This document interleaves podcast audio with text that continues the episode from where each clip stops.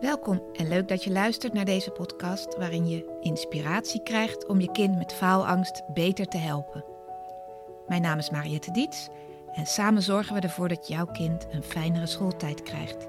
Dit is de Pubers met Faalangst podcast. Hoe komt het nou dat een kind wel een planning maakt, maar zich er dan niet aan houdt? Want dat is wel een van de meest voorkomende problemen als het om plannen gaat. Niet zozeer hoe maak ik een planning, maar vooral ik kan me er niet aan houden. En het is een heel belangrijk onderwerp. Sowieso, als ik met kinderen werk rondom plannen, dan vraag ik ook eerst: wat is eigenlijk het nut van plannen? Waarom zou je? Want daar begint de hamvraag al. Is het omdat je moeder het wil? Of zie je er zelf ook nog wel enig voordeel in? Het, maken, het, het hebben van een overzicht, het maken van een planning. En ik weet dat het mijn kind, mijn oudste, op zeldzame momenten dat hij een planning maakte, dat het hem heel erg geruststelde. Dus dat hij vooraf dacht: Oh, ik moet nog zoveel doen en dat ga ik nooit redden. En dan had hij een planning gemaakt van: Nou, als ik nou elke dag dat en dat en dat en zo de komende week doe. Dan kijkt hij ernaar en dan zegt hij: Oh, dat is eigenlijk best wel haalbaar. Nou, en dan ging hij weer gamen. Dus dat is weer een minder goed voorbeeld, maar omdat hij dan weer zo gerustgesteld was. Nou ja, als jij dit luistert, heb je vast een kind wat geneigd is om wat stress of faalangst te hebben rondom toetsen. Dan is een planning wel een van de belangrijkste hulpmiddelen om het behapbaar te houden en om, ja, om je goed voor te bereiden op toetsen, zodat die stress veel minder nodig is. Want het antwoord op angst is wel dat je in actie komt, in plaats van dat je ja, op je rug als een torretje gaat liggen spartelen van ik ben zo bang, ik ben zo bang. Nee, je moet in actie komen en een planning helpt je in ieder geval om in actie te komen. Maar er zijn ook zat kinderen die zeggen: Ik heb zo'n hekel aan een planning, want het is confronterend. Het is een to-do-lijst. Als je geen planning hebt, dan is die toets nog best ver weg of die hele toetsweek. En dan kan je lekker wat anders gaan doen. Maar als je wel een planning hebt, dan heb je dus elke dag iets wat je moet doen. En ja, dat is confronterend. Dan kan je beter geen planning hebben als je een beetje simpel denkt. Dus dat is ook een groeiproces wat dat puberbrein door de jaren heen moet gaan leren. Van ja, het, het is belangrijk, want ik wil mijn werk in stukjes hakken. Dus, en ik wil het vaak genoeg herhalen, dus moet ik op tijd beginnen. Maar echt, zoveel kinderen doen het niet of houden zich er niet aan. Op zich is het niet eens een probleem als een kind zegt: Ik maak wel een planning, maar ik hou me er niet aan. Want dan hebben ze in ieder geval wel dat voordeel dat ze overzicht hebben. Dat ze weten wat er op hun bordje ligt en dat ze daar al een soort van schema voor gemaakt hebben. Dan is er in ieder geval iets aangezet in dat hoofd. En als ze dan wat anders gaan doen, dan is er toch een soort van knagend stemmetje van je moet eigenlijk je planning doen, je moet je aan je planning houden. En als je vandaag niet doet wat je vandaag zou doen, dan schuift het door naar morgen.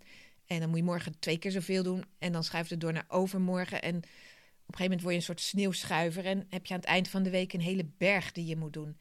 Dat is natuurlijk wat vaak misgaat met uitstelgedrag. Nou, er is een workshop die aan de training Ik leer leren verbonden is en die heet Plannen en Uitvoeren. En in die workshop laat ik kinderen een test doen. Die workshop is ontwikkeld door Thea Adema, het, de kindercoach die ook achter uh, de training Ik leer leren zit, die dat allemaal heeft bedacht en uh, hij heeft uitgerold naar heel Nederland. Maar in die workshop Plannen en Uitvoeren doen kinderen een test. En daar komt dan, komen vijf types karakter uit, vijf uh, problemen die je kan tegenkomen met plannen. Nou, het eerste is dat je uh, überhaupt uh, niet zo goed weet hoe je een planning moet maken. Dus je mist het overzicht. Je hebt ja, gewoon de praktische vaardigheden van hoe zet je dat nou op een rijtje, hoe pak je dat aan, hoe begin je dat. Dat is ook een groep kinderen. Niet zo'n grote, want de meesten weten het wel, maar er zijn kinderen die dat gewoon nog moeten leren. Ik bedoel, op de basisschool wordt het je niet aangeleerd, dus je moet dat echt in de praktijk gaan leren als je opeens veel te doen krijgt. Nou, de tweede groep problemen is de kinderen die snel afgeleid zijn. En welk kind is momenteel niet snel afgeleid? Het is nu warm weer, uh, het einde van het schooljaar, iedereen is moe. Je hebt je telefoon, je gaat veel liever een beetje zitten scrollen op social media. Dus er is heel veel afleiding. En om je aan je planning te houden, ja, heb je toch wel iets van focus nodig. Groep drie van probleemgevallen zijn de mensen die uh, het moeilijk vinden om te starten. Dus die kunnen op zich best wel gefocust werken, maar het duurt gewoon een tijdje voor ze die startknop weer gevonden hebben. Dus die, de uitstellers, zeg maar. Ze gaan uiteindelijk wel aan het werk, maar vaak iets te laat. En dat is ook niet handig als je je aan een planning wil houden. En de volgende categorie is ehm, de mensen die sowieso niet gemotiveerd zijn. Je vindt het vak niet leuk, je vindt school stom, je hebt helemaal geen motivatie om er iets voor te doen. Je voelt ook helemaal niet dat je iets aan die cijfers wil doen. Gewoon een algehele van, ik heb geen motivatie. Ja, dan heeft een planning ook niet zoveel zin, want waarom zou je je dan aan die planning houden? Dus dat is best wel een lastige om te tackelen van, wat wil je? Waar wil je staan over een jaar? En de laatste groep die uit zo'n test kan rollen, dat zijn de kinderen die niet zo goed weten hoe ze dat leren aan moeten pakken. Dus dan staat er wel op je planning geschiedenis paragraaf 1 leren. Maar wat dan? Dus dan gaan ze naar hun boek zitten kijken of ze gaan zitten bladeren of ze doen maar wat. Maar ze weten niet zo goed hoe ze dat aan moeten pakken. Nou kan je je voorstellen dat dit heel verschillende problemen zijn die ook dus ook een verschillende aanpak nodig hebben. Um, dus je moet goed bij je kind kijken waar in het proces gaat het mis. Um, vaak is het ook wel, ik heb nog niet zo goed het overzicht. Um, waar staat dat toetsschema? Bij mijn dochter op school was dat zeker in haar brugklasjaren heel ingewikkeld. Er stond iets in Magister, er stond iets in Zermelo. Dat was een of andere tool waar per vak iets stond. Dan hadden ze nog OneNote. En op een gegeven moment in de coronatijd kwam daar Teams bij. En echt overal moest je dingen vandaan harken. Ehm, dat kost best wel moeite. En ook zin, motivatie om dat te willen doen. Zij moest echt heel goed gaan kijken: wat moet ik van Frans in week 12 af hebben? Wat moet ik van uh, Nederlands in week 12 af hebben? En dat weer vertalen naar een planner. Dat was een Daltonschool, of dat is een Daltonschool waar ze op zit. Dus uh, die kinderen die zijn echt wel in diepe gegooid. Ik heb er ook veel van in mijn praktijk gekregen, van met name brugklassers en tweede klassers. Maar op, op een gegeven moment krijgen ze daar wel handigheid in. Deze school heeft ook voor elke vakantie een toetsweek. En dat is voor sommige kinderen het idee alleen al enorm stressvol. Maar voor de herfstvakantie, voor de kerstvakantie, voor de voorjaarsvakantie, voor de meivakantie, voor de zomervakantie, alsmaar toetsweken. Nou, onze dochter zit nu in de vijfde, die weet niet beter. Die begint gewoon al drie weken voor een toetsweek met: wat moet ik allemaal doen in die toetsweek? Waar haal ik dat bij die docenten? Want je kan achterover hangen en zeggen: ja, ik weet het nog niet van Frans. Of je gaat die docent aan zijn jasje trekken van ik wil wel weten wat ik over drie weken moet doen, want dan kan ik een planning maken. Dus dat is een stukje volwassenheid wat er dan ook in moet groeien. En dat is natuurlijk een beetje lastig met het puberbrein. Maar dat leren ze doordat het af en toe wel eens misgaat. En ze denken, nou, volgende keer ga ik het anders aanpakken.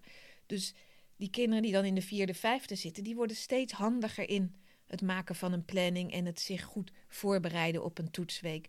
Op de school van mijn zoon die overigens geslaagd is deze week. Vraag me niet hoe, maar daar zijn amper toetsweken geweest. Dus dan wordt een examenweek, een SE-week in het voorexamenjaar, weer voor het eerst dat ze zo'n grote berg uh, ja, voor hun neus krijgen van hoe ga ik me daarop voorbereiden.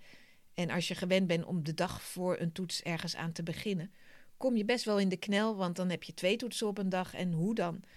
Dus uh, dat was best wel schrikken. En mijn zoon heeft wel af en toe planningen gemaakt, maar ja, er zat niet echt structuur in. Dus het verschilt heel erg per school. Kijk dus eens naar jouw kind. Wat wordt er van jouw kind verwacht? Moeten ze al heel veel zelfstandig kunnen? En waar lukt het nog niet?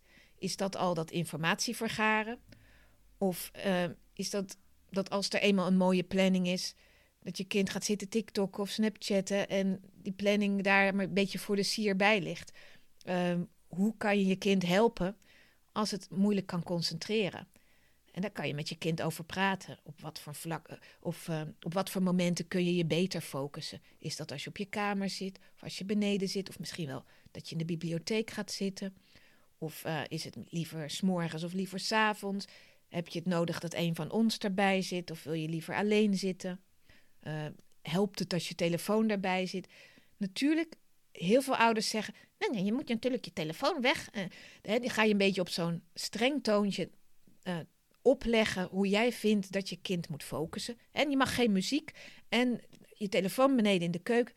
dan creëer je weer weerstand. Dus probeer ook in goed contact met je kind te overleggen. Als je kind zegt: Ja, maar ik kan me niet concentreren. Het is zo moeilijk, ik ben zo moe. Ga vragen stellen. Wanneer lukt het beter? Wat heb je nodig? Wat kan ik voor je doen? En geef ook gewoon begrip. Natuurlijk is het ook moeilijk om te concentreren. En ik vind het ook vaak moeilijk om me te concentreren. Het is gewoon lastig. Dus een beetje begrip tonen, uh, vragen stellen. En natuurlijk mag je ook dingen begrenzen. Schermgedrag begrenzen, gamegedrag begrenzen. Als jij vindt dat dat nodig is.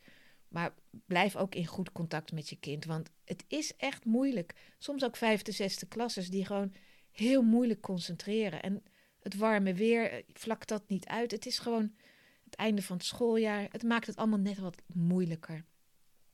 Dus dat over concentreren. Ja, die kinderen met weinig motivatie, dat is ook wel belangrijk. Hoe kan je met je kind in contact komen om ja, die motivatie wat aan te wakkeren? Nou denk ik, maar dat is een aanname, dat als jij dit luistert, dat jouw kind best wel gemotiveerd is. Want anders zou het niet faalangst hebben of gestrest zijn. Dus kinderen die stress of faalangst hebben, die hebben vaak best wel motivatie. Want als ze het allemaal niet zo belangrijk vonden, ja, dan hoeven ze ook geen stress te hebben. Maar er zijn ook kinderen die hebben en faalangst en een motivatieprobleem. He, dan ga je dus, omdat je niet zo'n zin hebt, ga je het uitstellen en dan krijg je aan het einde die stress.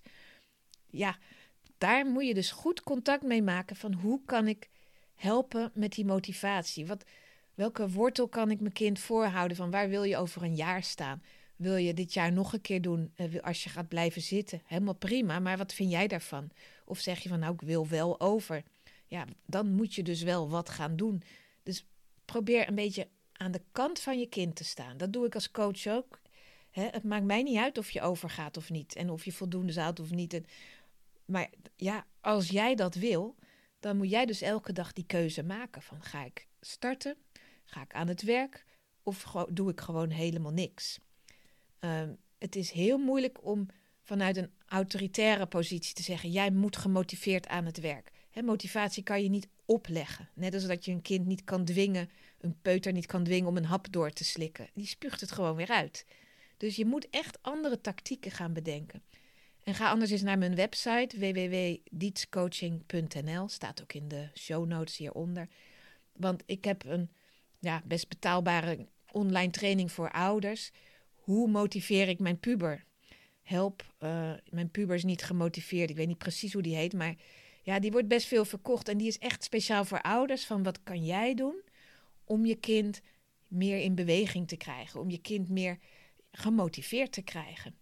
En dat is vaak best lastig, want die kinderen zijn helemaal in het hier en nu. En die zijn nog helemaal niet bezig met, oh, ik wil een diploma van de HAVO, van de MAVO van de VWO hebben. Die, ja, die zijn bezig met, pas ik wel in deze groep? En uh, zijn mijn kleren leuk genoeg? En wie vindt mij aardig? En jongens, meisjes, gedoe, relaties, verliefdheden.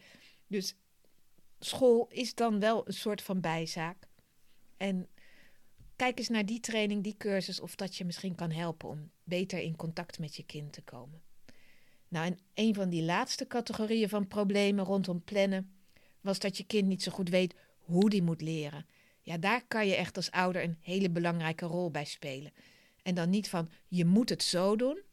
En ik heb ook al eerdere uh, afleveringen gemaakt in deze podcast over hoe je het beste kan leren en hoe je je kind daarbij kan begeleiden. Uh, het werkt vooral als je meedenkt met je kind. Kijk wat voor soort leerstijl die heeft. En als jouw kind graag met muziek leert, wie ben jij dan om te zeggen dat dat niet mag? Hè?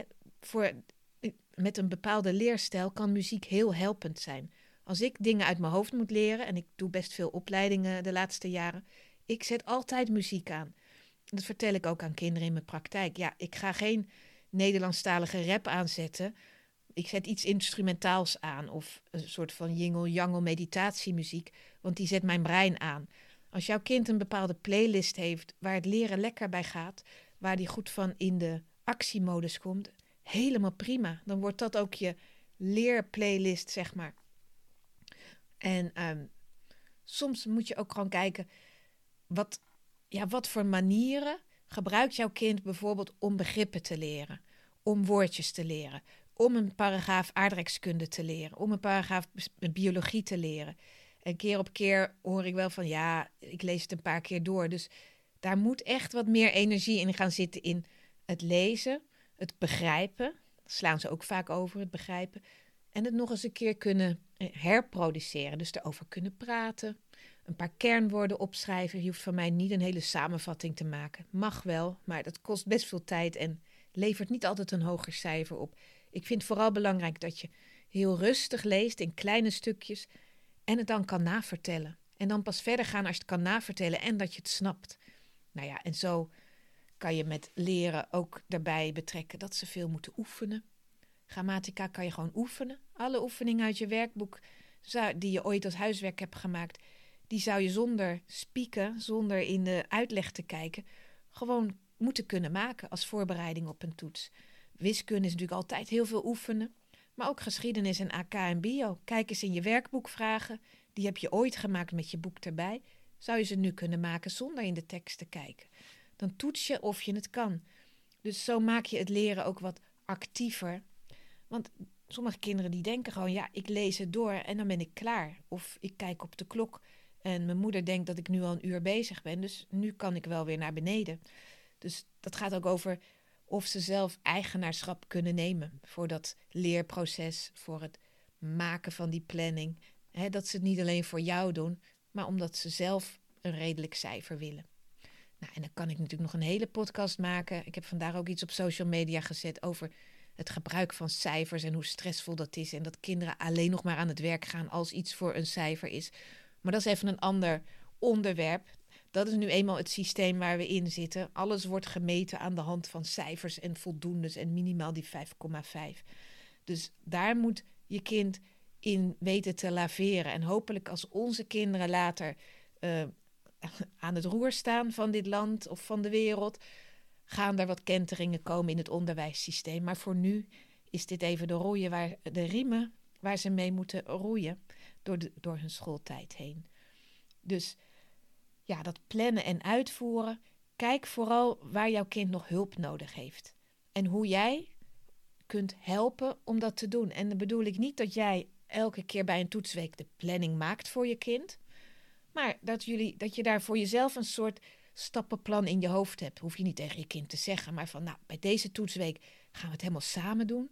En de volgende keer dan zeg ik, maak jij alvast een planning en dan gaan we er samen naar kijken. En dan mag je mij uitleggen hoe jij dit allemaal denkt te gaan doen. Nou ja, en de toetsweek daarna laat je het helemaal los, zoiets.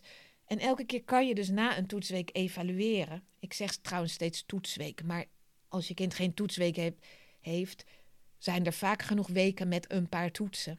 En dan moet er toch ook wel iets gepland worden. Dus daar geldt dit ook gewoon voor. Na zo'n week met veel toetsen komen er cijfers terug. Dan kan je gaan evalueren. Hoe is het gegaan met de cijfers? Weer over cijfers. Wat had je misschien meer kunnen doen bij het leren? Had je toch iets vaker moeten herhalen? Was je planning te krap? Heb je je daar niet aan kunnen houden? Heb je genoeg vrije tijd ingepland in je planning? Uh, had je had je planning nog een week eerder moeten beginnen. Dus niet één week ervoor, maar twee weken ervoor. Uh, zit er genoeg uitloop in je planning? Dat als je iets niet afkrijgt, dat er nog een beetje reservetijd zit. Dus zo kan je daar steeds mee spelen. Je laat je kind een beetje los. Kijk je hoe het gegaan is. En dan evalueer je weer samen hoe dat gegaan is. En niet met een wijzend vingertje, maar meer vragen stellen zodat je kind ook het gevoel heeft van, oh, met deze persoon kan ik ook overleggen zonder dat ik meteen afgekeurd word. En natuurlijk zul je momenten tegenkomen dat je denkt, ja, natuurlijk, je had ook helemaal niet geleerd. Als mijn zoon nu gezakt was, hè, deze week is hij gebeld dat hij geslaagd was, had ik echt kunnen zeggen, ja, ik snap wel dat jij gezakt bent, want zoveel heb je niet gedaan. Maar dat werkt ook weer niet zo als je dat op die manier zegt als iemand al teleurgesteld is dan ga gewoon meeleven. Oh, wat balen, oh, wat balen. En nu, en hoe gaat het nu verder? En hoe ga je het aanpakken? Dus stap altijd even naar achter van wat wil je kind nu graag horen? En hoe kan je in contact blijven? En dat de toon van je stem kan al bepalend zijn. En je eigen angst van, oh, of je eigen teleurstelling. Probeer daar volwassen in te zijn, want dit is het leven van je kind. En jouw enige rol is je kind helpen om zich te ontwikkelen. En je doel is niet zozeer dat je kind overgaat, maar dat je kind daar zelfstandiger in wordt. Dus uh, van de week komt er ook een meisje bij me wat altijd de planning met haar moeder maakt. En dat geeft altijd ruzie. En nu dacht die moeder, ga jij maar eens naar Mariette en gaan jullie het samen doen. En ik ben ook heel benieuwd hoe dat meisje er zelf in zit. Wil ze überhaupt wel een planning maken? Of doet ze het alleen maar omdat het van de moeder moet? En dus dat is gewoon interessant. Dus als jullie ook in zo'n ja, ruziesfeer zitten thuis, altijd als het gaat om plannen of om ja, op tijd beginnen, overweeg ook eens om gewoon iemand in te schakelen. En het hoeft niet eens met je kind te zijn, het kan ook met jou zijn. En het hoeft ook geen lang traject te zijn. Soms is één gesprek al prettig. Ehm, ja, dat is eigenlijk het allerbelangrijkste. En wat ik al in eerdere podcasts zei, ehm, zorg dat jij al je eigen angsten zelf verwerkt en dat je gewoon daar puur voor je kind bent. Dat maakt de communicatie tussen jou en je kind wat helderder en dan zul je ook beter contact krijgen. Nou, heb je nog vragen over plannen, hoe je dat dan doet? Hè? Ik heb nu niet echt in detail uitgelegd hoe je een planning maakt, maar ik denk dat je dat best wel kan al. En anders doe ik dat nog eens in een andere aflevering. Of stuur me gewoon een mailtje en dan kan ik je altijd nog tips geven. Dat was het voor deze keer. En tot volgende keer. Bedankt weer voor het luisteren naar de Pubers met Faalangst podcast. Wil je met mij sparren over jullie situatie? Dan kun je altijd een gratis kennismakingsgesprek inplannen via www.dietscoaching.nl. Vind je deze podcast interessant? Abonneer je dan en geef hem een goede review. Dat helpt mij enorm om nog meer ouders te bereiken.